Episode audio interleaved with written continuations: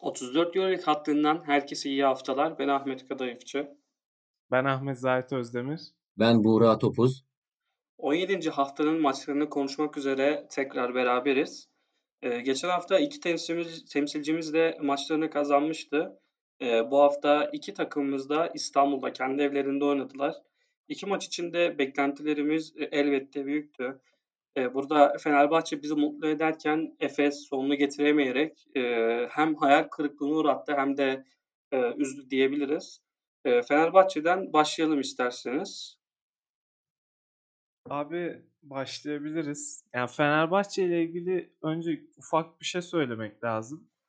Yani bu hafta kazanması değerliydi. Hele de Olympiakos galibiyetinden sonra hani bir e, artık bir direniş başlıyor mu Efes pardon Fenerbahçe bir bir şeyleri yoluna koyma yolunda ilerliyor mu gibi.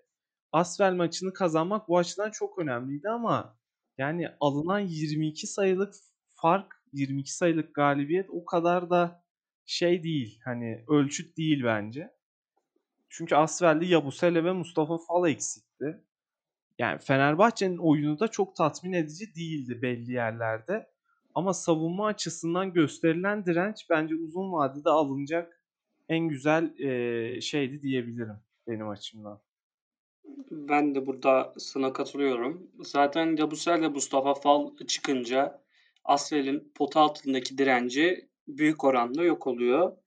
E, Fenerbahçe'de e, savunmasından bahsettin. Ben de iyi savunma yaptığını düşünüyorum. Sadece e, köşe ve kanattaki üçlüklere ilk devre biraz e, savunmakta zorlandı. İkinci yarı Onlarda da pek etkinlik gösteremedi Asvel.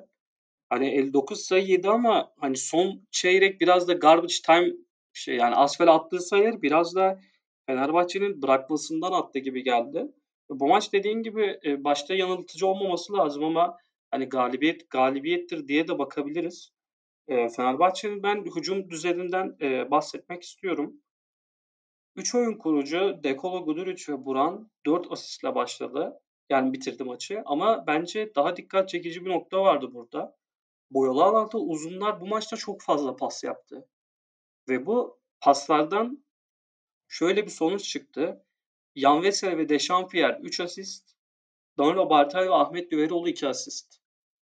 Şimdi uzundan uzuna yapılan pasların ne kadar öldürücü olduğunu biliyoruz ki yani bu maç Fenerbahçe bunu çok iyi kullandığını düşünüyorum. Umarım e, gelecekteki maçlarda da e, bu tandem bozulmaz. Ve Pierre Vesely sinerjisini de hem savunmada hem hücumda e, çok beğendim. E, yani evet Asfel iyi bir uzun savunması yoktu bugün. Ama Fenerbahçe bunu bir prototip olarak oluşturursa bence üstüne koyarak daha sert savunmalarda da umarım gösterir diye düşünüyorum. Abi şöyle bir şey söyleyeceğim sana. Geçen hafta maç sonun yani Veseli 5 asist yapmıştı ve maç sonunda yapılacak 2 asisti Veseli Bak şimdi haklısın. Bak şimdi haklısın. Salar'ın yapması Oraya gerektiğini geldik. söylemişti. Yani aslında Fenerbahçe'nin uzunlardan asist katkısı bulması çok değerli. Çünkü net bir şekilde bir point gardı olduğunu bir türlü söyleyemiyoruz. Hani De Colo'nun daha ziyade skorer olduğunu, işte Brown'un çok fazla oyun kuramadığını falan. Yani uzunların bu açıdan asist katkısı vermesi önemli olduğunu şu anda söylemiş oldum herhalde. Aynen öyle abi. Ama geçen haftakiyle de aynı olduğunu düşünmüyorum. Yani çok farklı şekilde gelişti. Tabii yani geçen hafta sadece Veseli'nin orada büyük bir parlaması vardı. Bu hafta yani genel olarak o uzun rotasyonunda bir parlaklık vardı. Ki ben Dechampierre'in oyununa çok yani hem savunmada hem hücumda istikrarını artırmaya devam ediyor bence yani tam bir takım oyuncusu olduğunu şu iki haftadır daha iyi görüyoruz. Çünkü öncesinde de bir mücadele izletiyordu bize. Ama takım yükseldiği zaman Döşampierre'in oyunu gerçekten yükseliyor. Yani o oynadığı post-up'ların tamamını sayıyla bitirmek için oynamıyor. Ki bu maçta da yaptığı asistler o 3 asist de bunu gösterdi. Yanılmıyorsam 3. çeyrekti. Yani orada ardarda arda 2-3 hücumda onun e, alçak posttaki oyunlarına bıraktık. Ve savunma tarafında Brown'la birlikte bence çok agresiflerdi. Hatta ilk yarıda Melih Mahmutoğlu da çok önemli bir baskı yaptı. Hani bu biraz daha hani Asvel maçı olduğu için çok büyük kriter olmayacaktır. Ama en azından takımın bu direnişini sürdürüyor olması değerliydi. Bence en sıkıntılı taraf şu. Asvel'e 22 top kaybı yaptırdı Fenerbahçe Beko iyi savunmasıyla. Ama Fenerbahçe 17 top kaybetti abi. Yani Asvel de tamam baskılı bir savunma hatta tuzaklı zone presler yaptı. E, yeri geldiğinde adam adama, yeri geldiğinde alan savunması ama sürekli baskılılardı. Yani onun da etkisi oldu ama 17 top kaybı yapmak bu maç için çok fazla. Yani bilmiyorum o açıdan ben halen daha Fenerbahçe'nin böyle çok da tatmin edici bir yerde olmadığını düşünüyorum. E, tabii ki gelecek hafta Kızıl Yıldız'a karşı da aslında oynanılacak maç bayağı kritik. Bilmiyorum eklemek istediğiniz ne var abi? Yani özellikle hücum konusunda ben, e, ben düşüncenizi çok, merak ediyorum. Çok küçük bir ekleme yapıp e, sözü Buğra'ya bırakayım. E, Melih Mahmutoğlu ve Dechampierre. Hatır, hatırlayacaksın e, ligin 7. ya da 8. haftalarından sonra sen kimlik kontrolünde Dechampierre'den bahsetmiştin. Ben de ahşap zeminde Fenerbahçe'den bahsetmiştim. Evet. Yani Dechampierre'in senin e, anlattığın ve beklentilerin olduğu konuma çok yaklaşması ve benim ahşap zeminde Melih Mahmutoğlu ile alakalı penetresi çok az kullandığını ve kullanması gerektiğini bahsetmiştim. Bu iki gelişimi ve iki noktayı e, bu maçta görmek beni şahsen mutlu etti. Kesinlikle abi. Yani beni de mutlu etti ama e, bunun dediğim gibi hani gelecek haftalarda özellikle Kızıl Yıldız maçında çünkü daha dirençli bir e, rakip olacaktır Fenerbahçe'ye ve deplasmanda olacağı için de ayrı bir zorluğu olacaktır mutlaka. Orada devam ettirmek lazım. Yani e, yani Anadolu Efes'in hani deplasmanda çok kazandığı süreçler olurdu özellikle geçen sene. Hatta rekorları var yani bununla ilgili. Bu bunun da hep e, takım oyununun pekişmesiyle ve takım kimyasının pekişmesiyle olduğu söylenir. Fenerbahçe asıl sınavı aslında e, şimdi vermeye başlayacak. Yani deplasmanlar iki haftadır güzel içeride iki galibiyet aldı. Biraz deplasmanlar geldikçe bu direnci sürdürebilirse Fenerbahçe en azından o playoff hattında e, konuşabiliriz. Yani olur mu olmaz mı gibi. Evet Buğra'ya bırakayım abi. Buğra sen ne düşünüyorsun Fenerbahçe'nin durumuyla alakalı? Ben önce şöyle bir giriş yapmak istiyorum. Ben zeki basketbolcuları çok severim. Gerçekten hani atletik böyle uçan kaçan basketbolculardan ziyade ve basketbolu biraz daha basit oynayıp ama işin içine zeka katabilen oyuncuları çok severim. Bu zeka katabilen oyuncuların da en önemli özelliği saha görüşü ve iyi pasör olabilmeleri. Şimdi Fenerbahçe'de şu an Yan Veseli bu özelliğiyle çok dikkat çekiyor. Ben e, bir pivot post-up oynadığı zaman böyle harala gürele potaya mı yöneliyor? Rakibinin ayak hareketlerini mi sınıyor? Ya da ters forvette, ters yüksek forvette veya ters dip forvette olası yardıma karşı boşu çıkan bir oyuncu var mı yok mu? Bunun kontrolünü yapıyor mu? Ben bir uzun oyuncuda buna çok dikkat ediyorum. Ya çünkü illa ki çok kuvvetli bir oyuncusanız yardım gelecek size. Bu yardımla birlikte savunmanın dengesi biraz bozulacak. Eğer siz ister kendi tarafındaki yüksek forvette, ister ters taraftaki yüksek forvette veya ters taraftaki dip forvetteki oyuncuyu görebilen bir pivot varsa bu takımın hücum düzeyini ve hücum temposunu önemli ölçüde olumlu hale getiriyor.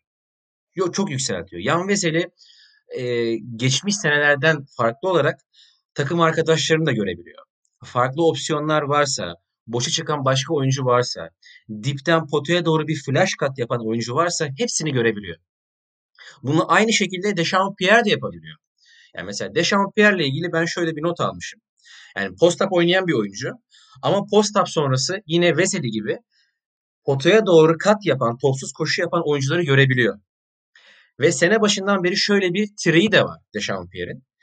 Tepeye doğru oyun kurucuya işte Lorenzo Brown'a veya Leo Westerman'a artık kimse ona bir yalancı pik yapıp onun adamıyla eşleşiyor ve ondan sonra çok farklı opsiyonları var Dechampierre'in. İsterse o adamı low posta çekip post up oynuyor veya boyalı alana doğru direkt penetre ediyor veya dediğim gibi dipten potaya doğru kat yapan bir oyuncu varsa onu buluyor. Yani burada Fenerbahçe'nin topsuz oyunları ve Bartel, Veseli, Pierre gibi uzunların bu kat yapan oyuncuları iyi görmesi Fenerbahçe'nin hücumdaki elini rahatlatıyor. Ben bir de şöyle bir eleştiri getirmek istiyorum. Yani bu kadar övdük Fenerbahçe'yi. Bir de eleştirim var tabii ki her hafta olduğu üzere. Melih Mahmutoğlu bu maçta çok iyi değil mi? Hem he, hepimiz hemfikiriz. Özellikle skor 17-23 iken Asfel biraz daha böyle İbre'yi kendine doğru çekecekken ikinci periyotta 5 sayılık bir katkısı var üst üste. Bir perdeden çıkışta üçlük atıyor bir de bir penetresi var. Aynen. Ama biz Türk oyuncular böyle iyi oynadığı zaman aa işte Türk oyuncu oynadı. Ya bu aslında bizim normalimizin olması, yani normal olması lazım. Hani Türk bir oyuncu katkı verdiği zaman biz aa evet Türk oyuncular katkı verebiliyormuş tan ziyade ya bu Türk oyuncu bu kadar mı katkı verebiliyormuş konuşmamız gerekiyor. Ama sosyal medyaya bakıyorum işte Melih bu hafta çok iyi oynadı. Spikerler işte Melih böyle. Ya Melih çok genç bir oyuncu değil ki. 1991 veya 92 doğumlu bir oyuncu. Yani 29-30 bandında. Yani bu Melih Mahmutoğlu'nun Fenerbahçe gibi üst düzey basketbol kültürüne sahip olmaya çalışan bir takımın kaptanı daha da katkı vermeli Fenerbahçe. Abi bu Burada- konuda araya girebilir miyim? Tabii ki tabii ki. Kısaca. Yani şu anda Baskonya'da Polonara yanılmıyorsam 28 yaşında ve bu sezon net bir şekilde en çok gelişme gösteren 2-3 oyuncudan bir tanesi. Belki birincisi. Yani Polonara gibi e, şaşırtıcı ve inanılmaz bir yükseliş yok Melih'te. Yani bir maçlık bir performans üstünden çok fazla övgüler geldi. Herhalde bundan bahsediyorsun. Ama Polonara gibi sürekli bir katkıyı e, başka anlamlarda tabii ki şut açısından vesaire hani verebilecekken bunu sürekli veremeyen bir oyuncudan bahsediyoruz. Yani dediğin gibi devam et e, ama bu konuda ben biraz daha şeyim çünkü sürekli ver verilmeyen katkıyı bir hafta olduğu için övüyoruz ama yani sürekli değil. Yani olmuyor böyle. Evet abi kusura bakma böldüm. Estağfurullah. İşte buradan nereye bağlayacağım? E, bugün gördüğüm bir haber var. E, kaynağı da vereyim. Basket faulün. İşte Fenerbahçe'nin 2 milyon dolar karşılığında Beşiktaş'ın genç oyuncuları Alperen Şengün, Sadık Emir Kabaca, Şeyh Musazer ve Samet Yiğitoğlu'nu transfer etmek istiyormuş. Şimdi şöyle bir olay var. Evet, Alper, özellikle Alperen kısmında söylemek istiyorum. Alperen daha çok genç bir oyuncu. 2002 doğumlu. Ee, önündeki maçlara hazırlanması gerekiyorken her ne kadar haftanın oyuncusu seçilse de kaç hafta üst üste dominant bir oyun sergilemesine rağmen eksiklerini kapatması gereken bir oyuncu Alperen. Yani belki şut ritmini daha oturtması gerekiyor, ayakları daha çabuk hale gelmesi gerekiyor, belki fizini daha toparlaması gerekiyor. Alperen'in ben hala üst seviyeye uygun bir oyuncu olduğunu düşünmüyorum şu anki durumda. Yani şöyle iki örnekte de sabit yani bir sabitleyebilirim bunu. Birincisi milli maçlarda Miro Bilan'a karşı gerçekten etkisiz bir görüntü sergiledi. İkincisi de geçen hafta Büyükçekmece'ye karşı pardon iki hafta önce Büyükçekmece'ye karşı Gabriel Olaseni'ye karşı da iyi bir performans gösterdi. Şimdi Fenerbahçe'ye geçtiği zaman e, Alperen'in rakipleri ne bileyim Muhammed Ujate, Evaldas Kairis, Elmedin Kikanovic olmayacak. Yani Eurolig'in kalburüstü oyuncuları olacak. Yani bu oyuncu ilk hatasında çok ağır eleştirilecek. Medyada eleştiri bombardına tutulacak ve hem havlu sallayacak hem de demoralize olacak. Hani Beşiktaş'ta süreci geliştirmek varken e, Fenerbahçe'de bu riskle karşı karşıya olabilir. Hani oyuncunun bu yaşta konsantresini bozmamak lazım ve uzun vadede kaybetmemek lazım oyuncu. Yani kısa vadede kazanabiliriz ama uzun vadede kaybedebiliriz Alperen'i. Evet abi yani çok fazla bunun gibi haberlerin aslında çıkması iyi değil onun adına.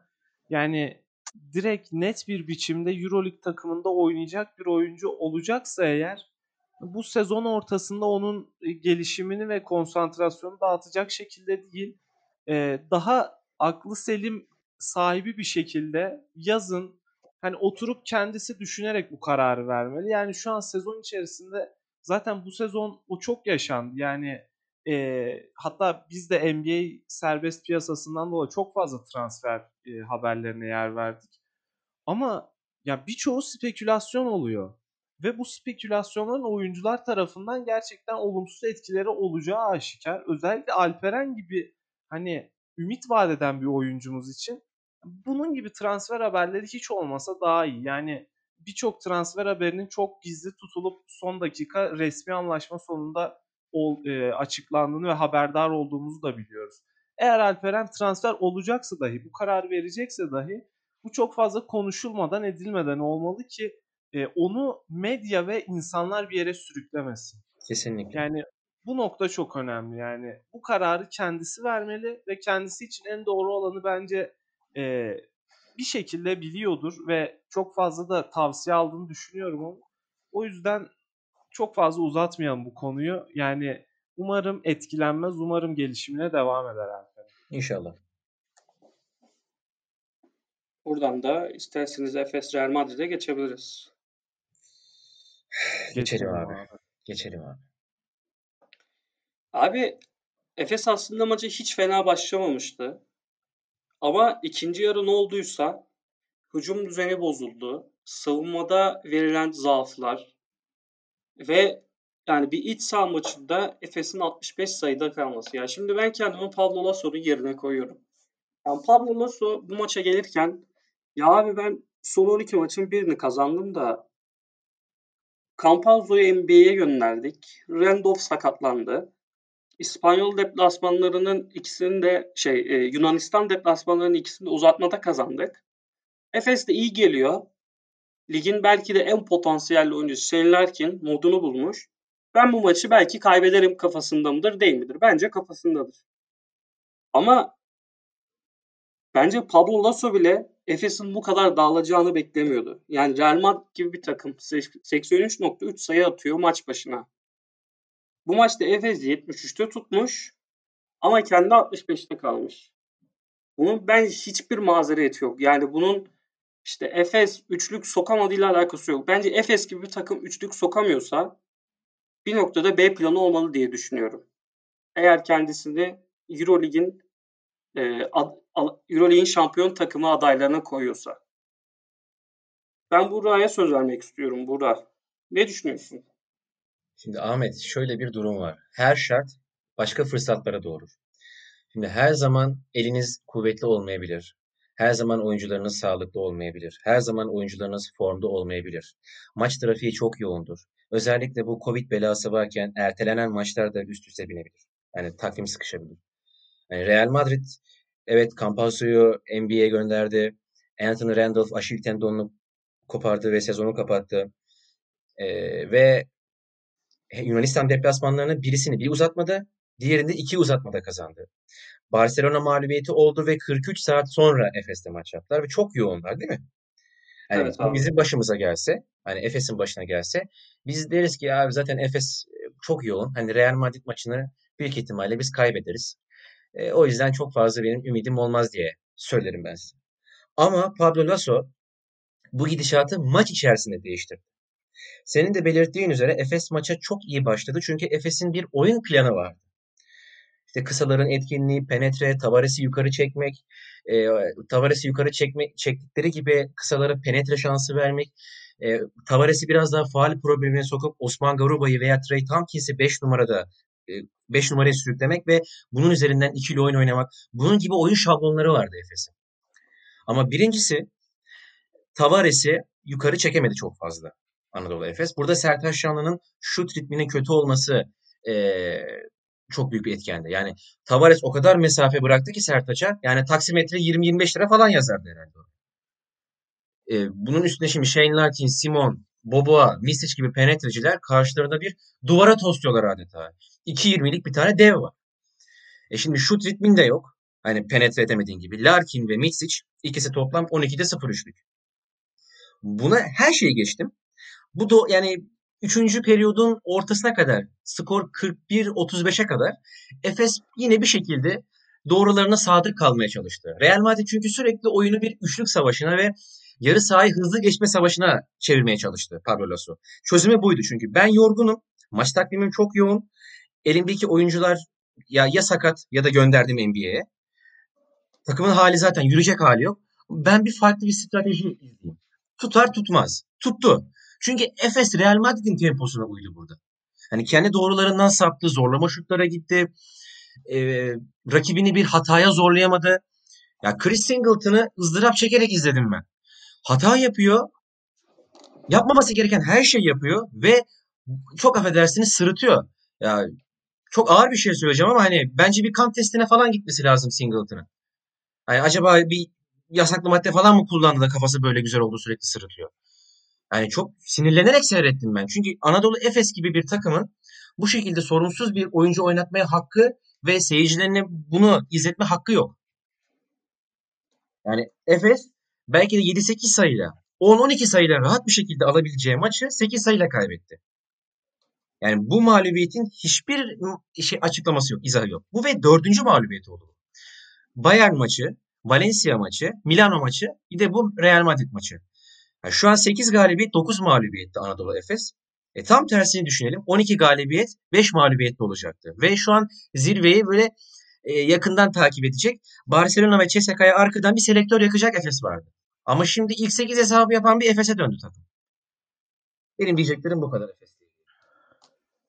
Abi çok yüksekte bıraktın bana sözü. Yani şu an ne desem bilemiyorum ama e, toparladığımız zaman şöyle söyleyebilirim abi. Şimdi Real Madrid üçlük konusunda zaten hep çok üçlük deneyen bir takım. Yani ligin en fazla üçlük deneyen takımı maç başına 29 üçlük deniyorlar.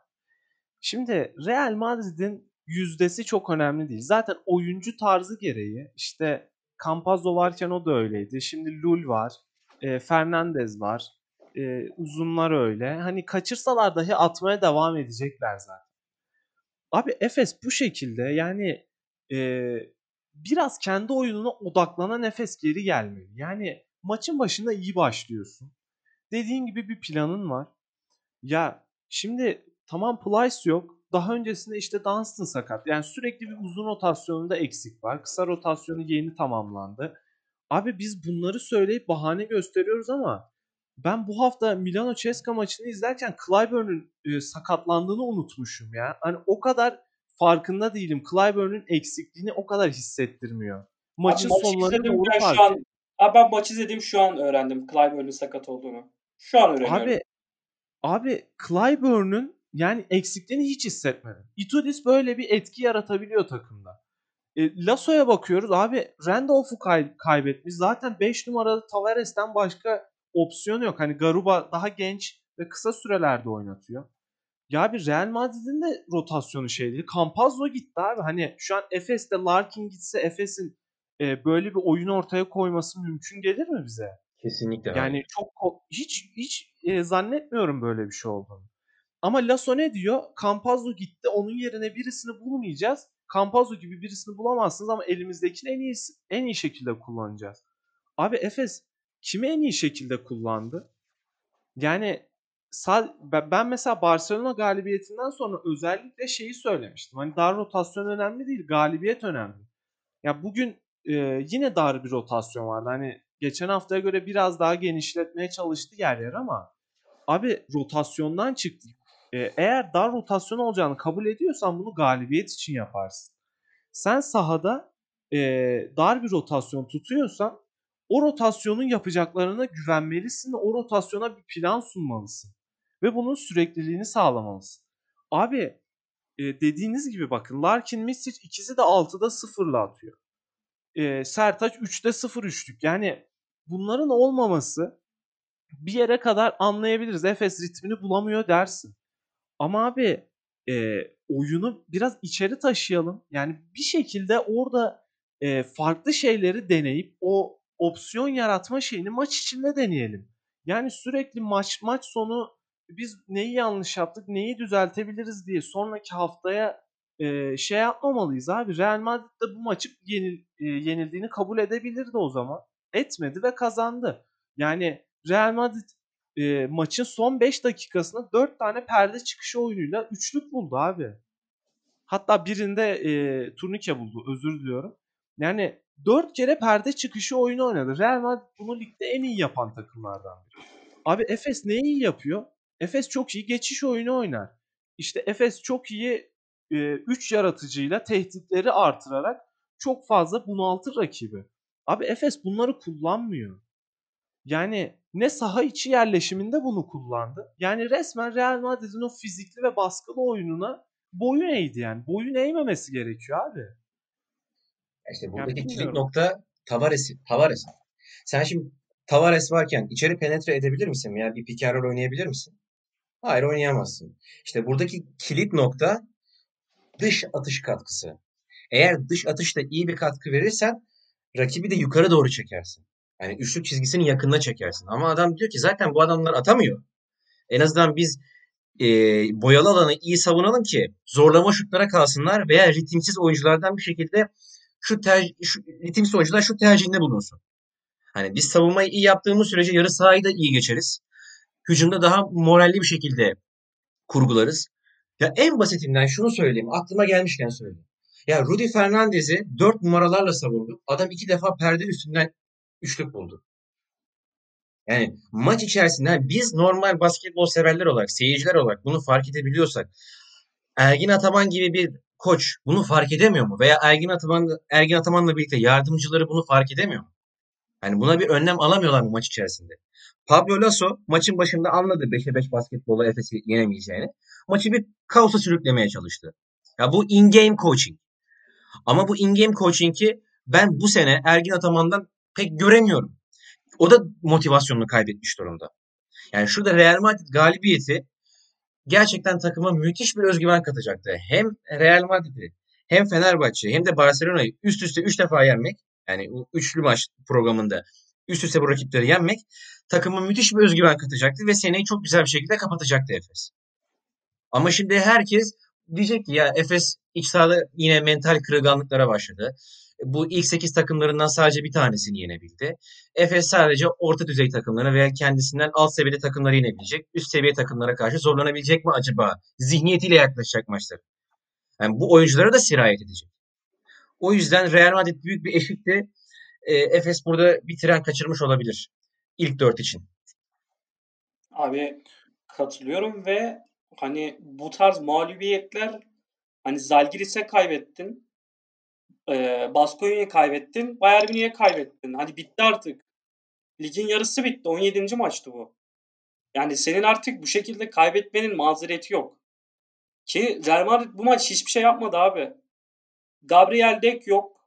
6 dakika oynadı sakatlandı çıktı. Sergio Llull evet çok büyük bir oyuncu ama 3. çeyrekte bir karar karar verdi. Oynadı ve sen de aldın. Ya Rudy Fernandez 6'da 3'lük atmış. 6'da 3 üçlük atmış. Ya bu anormal bir şey mi? Fernandez bunu her zaman yapıyor. J.C. Carroll ya onu her zaman atıyor o iki üçlüyü. Ya bunlar anormal şeyler değil. Real Madrid ekstra hiçbir şey yapmadı.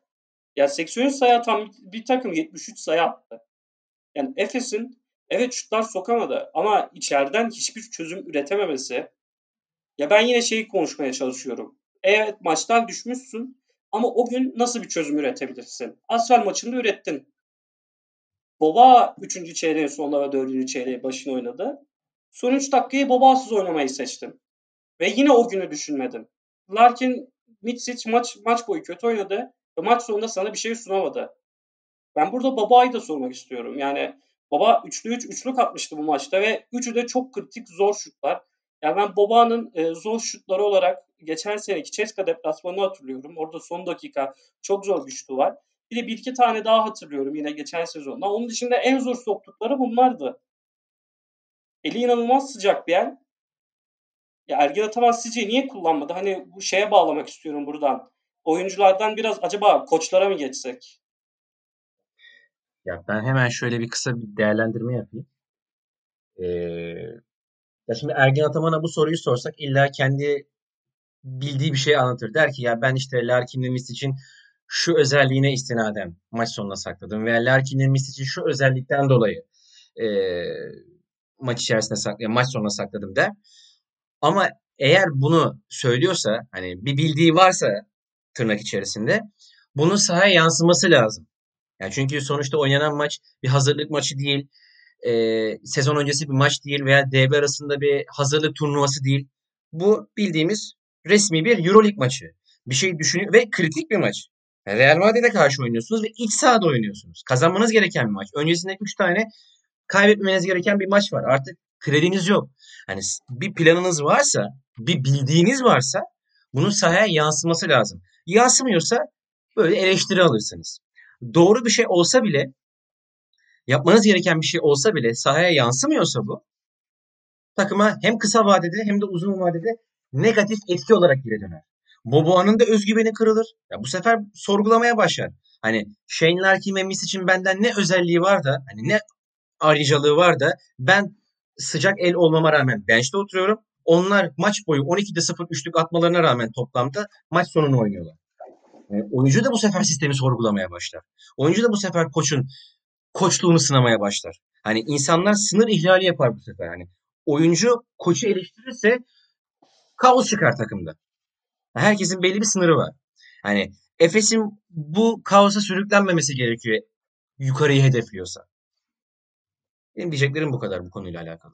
Abi bunu bir de Boba cephesinden değerlendirir misin? Sen çok merak ediyorum. Ya Boba geçen sene kenardan gelen bir e, oyun kurucu olarak bence skor anlamında harika bir çıkarttı. Benim de çok beğendiğim bir oyuncu. Ya geçen e, Baba'nın sert bir mizacı olduğunu biliyoruz. Hani fazla gülmeyen, e, genelde sert bakan bir oyuncu ama yani geçen sene. Boba geçen sene Boba somurtuyordu çıktığı için. Memnun değildi. Hani takımın kazanmasından memnundu ama sürelerinin biraz daha fazla olmasını isteyen bir oyuncuydu. E şimdi bu son 3 dakika acaba Boba'ya bir mesaj geldi. Ver, vermiş midir, vermemiştir? Bence vermiştir. Ya ben e, bunun Boba'ya çok zarar verdiğini düşünüyorum ve bu oyuncu artık takım içinde bence mutsuz olabilir. Yani burada bence e, birilerini kazanayım derken ki 17. maç artık kimi nerede nasıl kazanmaya çalışıyor onu da anlamadım. Birilerine bence e, küstürmeyin hiç gereği yok. Ya ben kendi Boba'nın yerine koyuyorum. Eğer e, bu sene Efes Final Four'a kalamazsa veya işte bir şekilde başarısız olursa e, bu takımda devam etmek isteyen parçalardan olacağını düşünmüyorum Rodrik Boba'nın. Kontratı var ama kalması gerekiyor. Kontratı var. Tabii orası Yani- öyle. Evet. Ya o başka bir konu şimdi. O Ya, kontrat meselesi Huzurlu Ha, tabii. mesela. mental olarak yani sen kendi söylüyorsun. Şimdi ben iyiyim, başkası kötü ama kötü olan sahada ben bench'teyim. Ya bu adil mi? Bence değil. Değil. Yani işe buradan bakmak lazım. Ha, mutsuzluk kaynağı sadece bu süre sorumluluk olayı mı? Bence genel olarak Efes'e bir, ha ben geçen hafta değil de ondan önceki hafta tam ne zaman söylediğimi hatırlamıyorum ama Anadolu e, Fenerbahçe'de bir mental kırılganlık var ve bunu Fenerbahçe kendi kendine yaratıyor dedim. Fenerbahçe bunu yavaş yavaş çözmeye başladı diyebiliriz. Yani çünkü iki haftadır aldığı galibiyetler önemli galibiyetler. Hem Olympiakos hem Asfer. Bunun aynısını ben Efe- Efes'in yaşayacağını düşünüyorum. Yani takım içerisinde artık o kritik galibiyetler gelmediği için hem koç hem de oyuncular artık birbirlerini sorgulamaya başlayacaklar. O antrenör diyecek ki ya ben bunu oynatıyorum. X örnek, örnek veriyorum Chris Singleton. Ya ben Chris Singleton'ı oynatıyorum ama bu adam hiçbir şey yapmıyor. Ya da bu sefer de Boboa diyecek ki tamam ben oynuyorum ama yani bu antrenör beni oynatmıyor. Ya bu sarmalın, döngünün içine girerse Efes yani biraz ağır bir yorum olacak ama ilk 8'e bile giremez Efes bu zihniyetle. Yani daha çok maç var ama daha çok maç var da bence çok klişe bir şey. Hani 17. maça geldik su gibi geçti sezon. Ve çok kritik deplasmanları da var Anadolu Efes'in. Real Madrid deplasmanı var. Barcelona deplasmanı var. Baskonya deplasmanı var. Milano deplasmanı Münih. var. Bayern Münih deplasmanı var. Zenit deplasmanı var. Ataşehir'e gidecek Efes. Yani ikinci yarı çok zor. Hani herkes yani taraftarlar sosyal medyada bir çıkış arıyor Efes'ten. Ya biz işte geçen sene çok iyiydik. Bu takım bu kadar kötü olamaz. Bir çıkış olması lazım diyor ama hani zaman da bir yandan akıp geçiyor. Hani bir çözüm bulunacaksa Asfel maçından itibaren bulunması lazım. Yani Efes'in artık hata lüksü yok. Yani öyle bir kredisi yok Efes'in. Zahit çok küçük bir ekleme yapıp sana sözü vereceğim. James Anderson'ı da belki aynı kefeye koyabiliriz. 8 dakika oynadı. 2 rebound, bir top kaybı var. 2 de faul yapmış. Saha içi top bile kullanmamış. Hani belki Ona onu da deneyebilirdi. Ama abi Ona hiç mi deneyemezdi son çeyrek? Yok yok. Anderson'ın öyle bir yüksek bir rolü yok Efes'te. Hani E, Anderson maç 8 özelinde. dakika da oynasa aynı, 20 dakika oynasa da aynı. Hani Anderson'dan ziyade burada daha önemli parçaları konuşmak lazım. Hani Boboa, Singleton, ne bileyim Plyce'ın yokluğunda Sertaç mesela. Hani bunların performansını sorgulamak bence daha önemli. Çünkü James Anderson iyi oynasa da Efes için bilmiyorum. Yani iyi oynasa evet bir artı ama kötü oynasa da Efes için çok büyük bir facia mı? Bence değil. Evet abi ki yani şimdi Boba biz geçen sene bench'ten iyi katkı veriyor, iyi katkı veriyor diyordu. Larkin ve Mitsic öyle bir seviyeyi seviyedeydi ki Boba, Boba gibi bir oyuncunun bench'ten gelmesi lüksüne sahipti Anadolu Efes. Ya bu takım bu, bu durumda tamamen ortadan kalkmış durumda.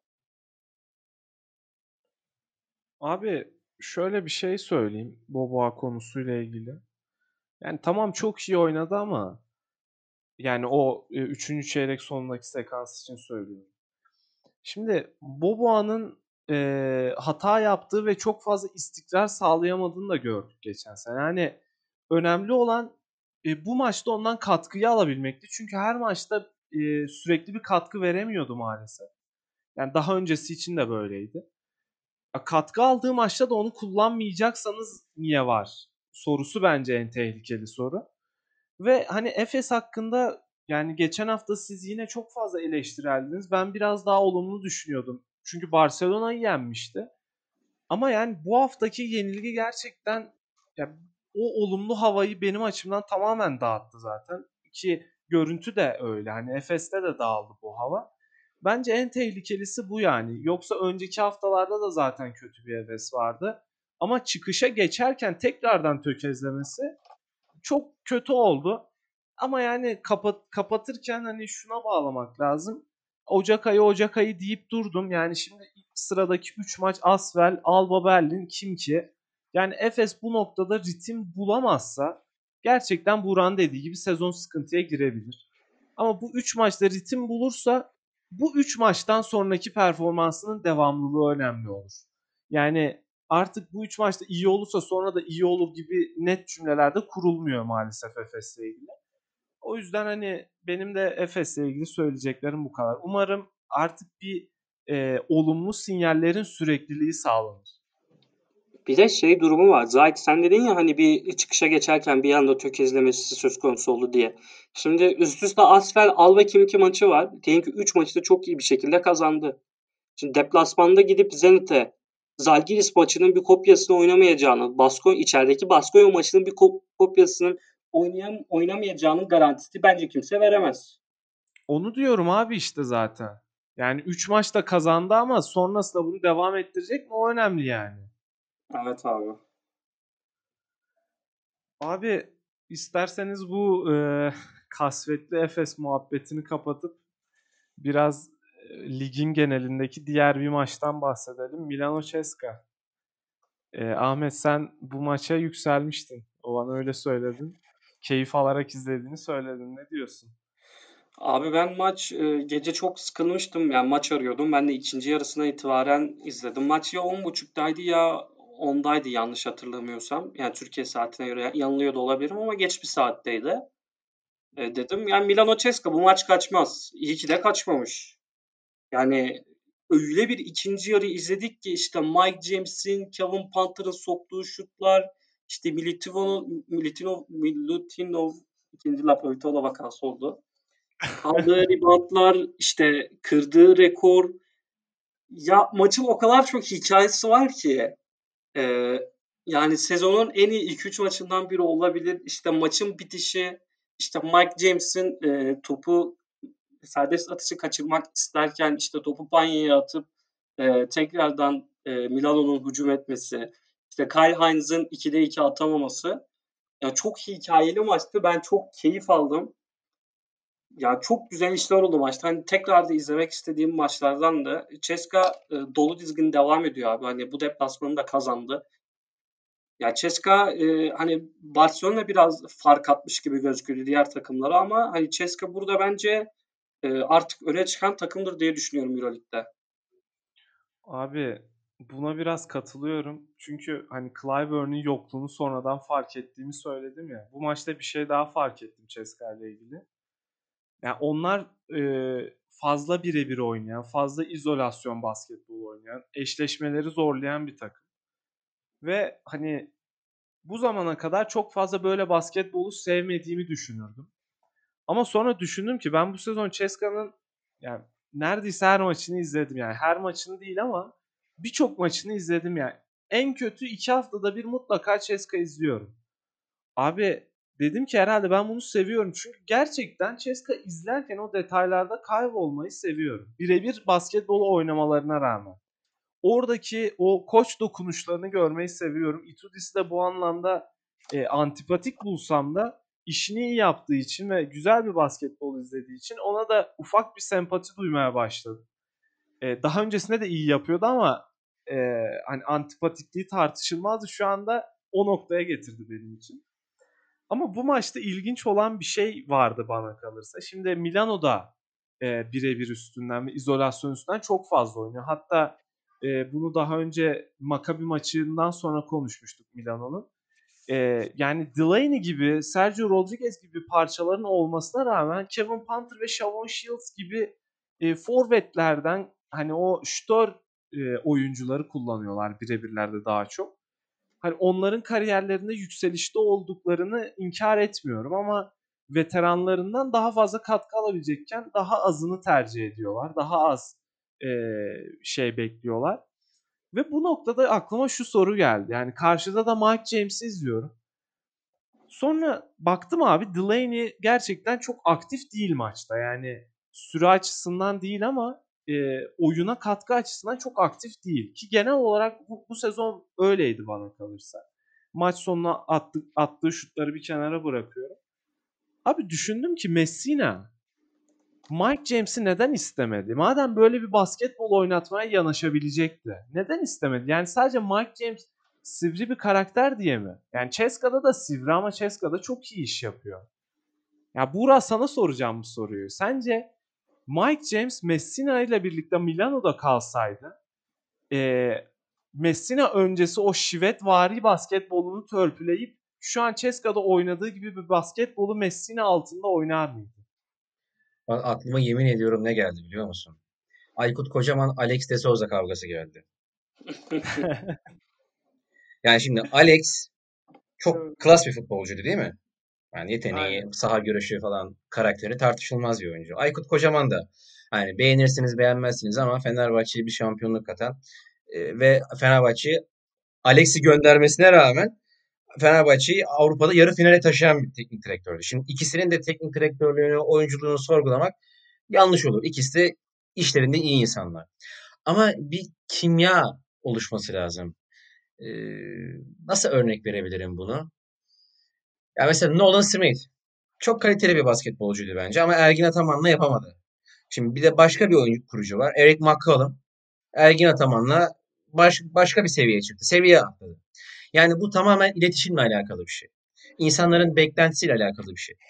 Yani Messi'nin demek ki e, oyuncularını dizginlemeye ihtiyacı var ki e, Mike James veya türevleri sivri karakterleri takımında barındırmak istemiyor. Yani demek ki Dimitris Itudis de 12-13 sene boyunca Obradovic'in yanında öyle bir iletişim becerisi kazanmış ki Mike James gibi adamı kavga etmesine rağmen dize getirip veya dize getirmek demeyeyim de en azından istenen katkıyı almış. Ya dedim ki bu tamamen iletişim ve kimya becerisiyle alakalı bir şey.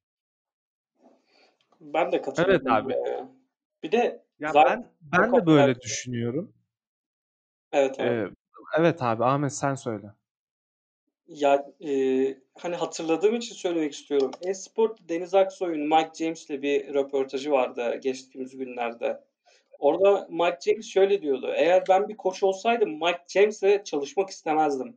Kendisinin e, sivri bir oyuncu olduğundan dolayı. Bu noktada Itudis'le bir şekilde Buran'ın bahsettiği kimyayı bulabildiği için ki Messina e, hani genç bir koç değil. Belki tabiri caizse Mike James'i yönetecek yüreği yok. Yani yürekten ziyade hani cesareti kastetmek istemiyorum. Yani harcayabileceği efor anlamında yüreği belki olmayabilir gibi bir yorum katayım ben de. Evet Zahit. Olabilir abi. Ya ben de bu konuda aslında size yakın bir görüşteydim de yine de merak ettim çünkü e, Milano'nun bu kadroyu kurduktan sonra çok fazla bu kadar birebiri öne çıkaran bir basketbol oynayacaklarını düşünmüyordum. Aslında e, biraz bu şaşkınlığımdan dolayı bu soru aklıma geldi. Yoksa Mike James'in e, pek istenecek bir karakter olmadığını ben de düşünüyorum. Hatta e, Itudis'in de onu çok istemediği konuşuluyordu sanırsam. Yani yönetimsel bir karardı Mike James'in oraya gitmesi. Yani Itudis de seçme şansı olsa muhtemelen onu seçmeyecekti. E, ki senin de bahsettiğin gibi yani Mike James kendisi hakkında da söylüyor bunu. O yüzden ya ben de sizle aynı sayfadayım ama yine de sormadan edemedim yani. E, çünkü bilmiyorum Milano o kadar keyif vermiyor bana. Çünkü Ceska kadar iyi oynayamıyorlar bu basketbolu ve e, bence veteranlarından çok daha fazlasını alabilecekken e, maksimuma ulaşam, optimum seviyeye ulaşamıyorlar. Bir şey eklemek istiyorum burada. Ee, Zayt açıkçası ben merak ediyorum bu dediğin şeyi. Çünkü Mike James'in sadece bir maç oynadılar. Onda da Darion Hillard yanılmıyorsam 31 sayı atıp yani böyle beklenmedik bir iş yapmıştı. Mike James'iz ben Ceska'nın nasıl bir oyun oynayacağını hani yani pozitif veya negatif anlamda söylemiyorum ama hani bir basketbol sever olarak açıkçası ben de merak ediyorum. Abi yani e, Mike James olmadan şu anki Ceska'nın bir başarı sağlaması çok çok zor. Yani bu maçta bir, bir dönem Hackett'la e, Strelnieks beraber oynadı mesela. Yani tamam birisi ikisi de savunma anlamında iyi. Strelnieks e, ikili oyunu da bir yere kadar yönetebiliyor. Ama abi hani Ceska'da o kadar e, skor potansiyeli olmaz kısalardan bahsediyorum. Uzun ve forvetlerde tamam iyiler. Ama orada kısada Mike James olmasa Ceska ile ilgili çok bir şey konuşamayız. Onun yerine başka bir büyük lider olması lazım. Şu anda da piyasada öyle biri olmadığı için çok fazla ihtimallere girmeyelim. Evet abi. Eklemek istemedi istediğiniz bir şey var mı? Ya ben sadece Mike James konusunda şunu söyleyecektim. Yani normal sadece basketbol değil, sosyal medyada da çok aktif ve söylediğini yani söyleyeceğini esirgemeyen bir o insan tipi diyeyim. Yani Twitter'da böyleyse hani so, gerçek hayatta, takım idmanlarında, soyunma odasında hatta nasıl bir karakterdir ben gerçekten düşünemiyorum. Yani o sınırı korumak, e, onu sinirlendirmeden veya onu rahatsız etmeden ondan optimum verimi kazanmak çok saygı duyulacak bir iş. Normalde ben Itudis'i çok fazla sevmem. Ama saygı duyuyorum bu konuda. Kesinlikle abi yani orada büyük bir iş çıkardı ortada yani ben de ahşap zeminde Ceska'yı konuştuğumda bunlardan bahsetmiştim. Gerçekten orada takdir edilesi bir iş yapıyorlar bu anlamda.